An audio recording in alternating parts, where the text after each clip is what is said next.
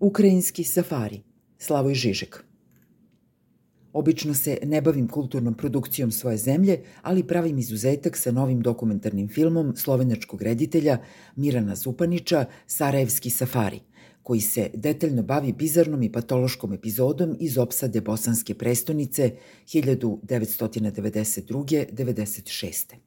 Poznato je da su srpski snajperisti sa okolnih brda nasumice pucali na ljude po Sarajevskim ulicama, a da je odabranim gostima, često iz Rusije, dozvoljavano da i sami ispale po neki metak.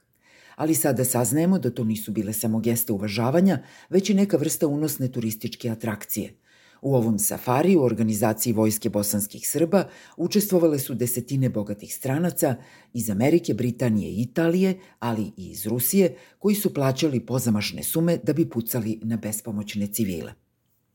Tu se lovcu dodeljuje poseban oblik subjektivnosti. Mada su žrtve anonimne, to nije video igrica. Perverzno uzbuđenje se zasniva na činjenici da je sve stvarno, ali igrajući se lovaca, bogati turisti koji su na bezbednoj udaljenosti iznad grada praktično su isključeni iz stvarnosti, dok je za njihove mete ulog sam život.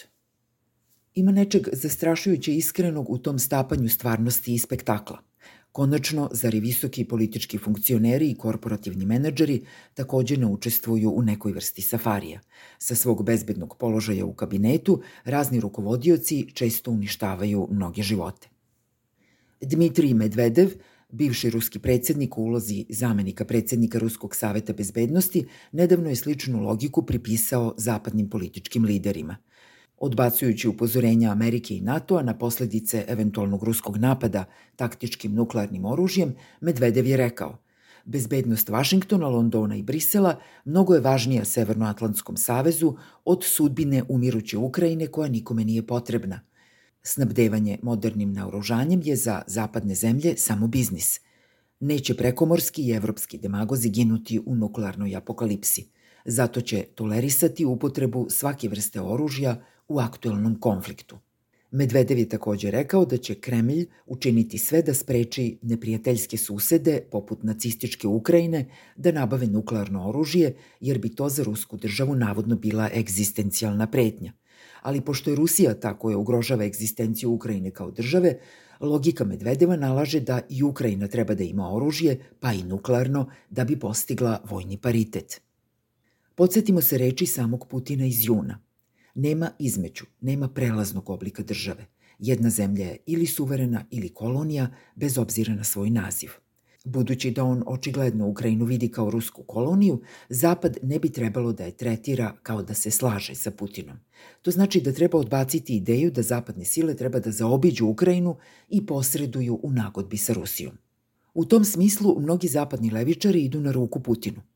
Viši savjetnik u Atlantskom savetu Harlan Ullman piše Clemenceau je primetio da je rat suviše važan da bi se prepustio generalima da li se može reći da je Ukrajina suviše važna da bi se prepustila Zelenskom. Sjedinjenim državama je potrebna izlazna strategija kako bi se zaustavili nasilje i rat. Levičari od Noama Čomskog do Jeffrija Saksa, da ne pominjemo mnogi ruske apologete na desnici, zauzeli su slične stavove. Pošto su u početku insistirali da Ukrajina ne može da dobije rat protiv Rusije, sada sugerišu da ona i ne treba da pobedi, jer bi to sateralo Putina uza zid i on bi postao opasan. Ali da smo slušali savete mirovnjaka i odbili da pošaljemo oružje u Ukrajinu, ta zemlja bi sada bila okupirana, a njeno potčinjavanje bi se sprovodilo daleko većim zverstvima od onih u Buči, Izjumu i mnogim drugim mestima. Mnogo bolji stav zauzeli su nemački zeleni koji se zalažu ne samo za punu podršku Ukrajini, već i za strukturne reforme koje bi ubrzale prelazak sa nafte i gasa na obnovljive izvore energije, što bi nas spaslo od katastrofe u koju nas vodi klimatska kriza.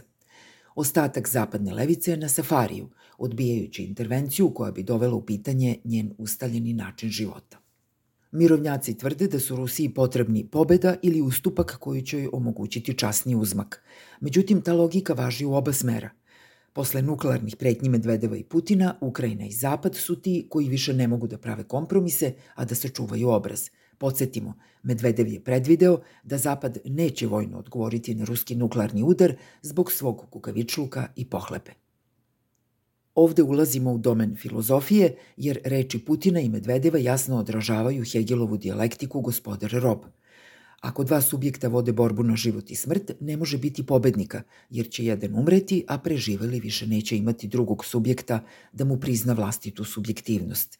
Celokupna istorija ljudske kulture počiva na prvobitnom kompromisu po kome neko postaje sluga koji obara pogled da bi sprečio obostrano uništenje.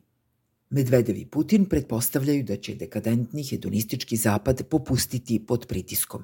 I to nas vraća na dinamiku iz filma Sarajevski safari. Privilegovane elite strateški intervenišu u realnost sveta bez ikakvih ličnih rizika, ali stvarnost ih na kraju sustiže.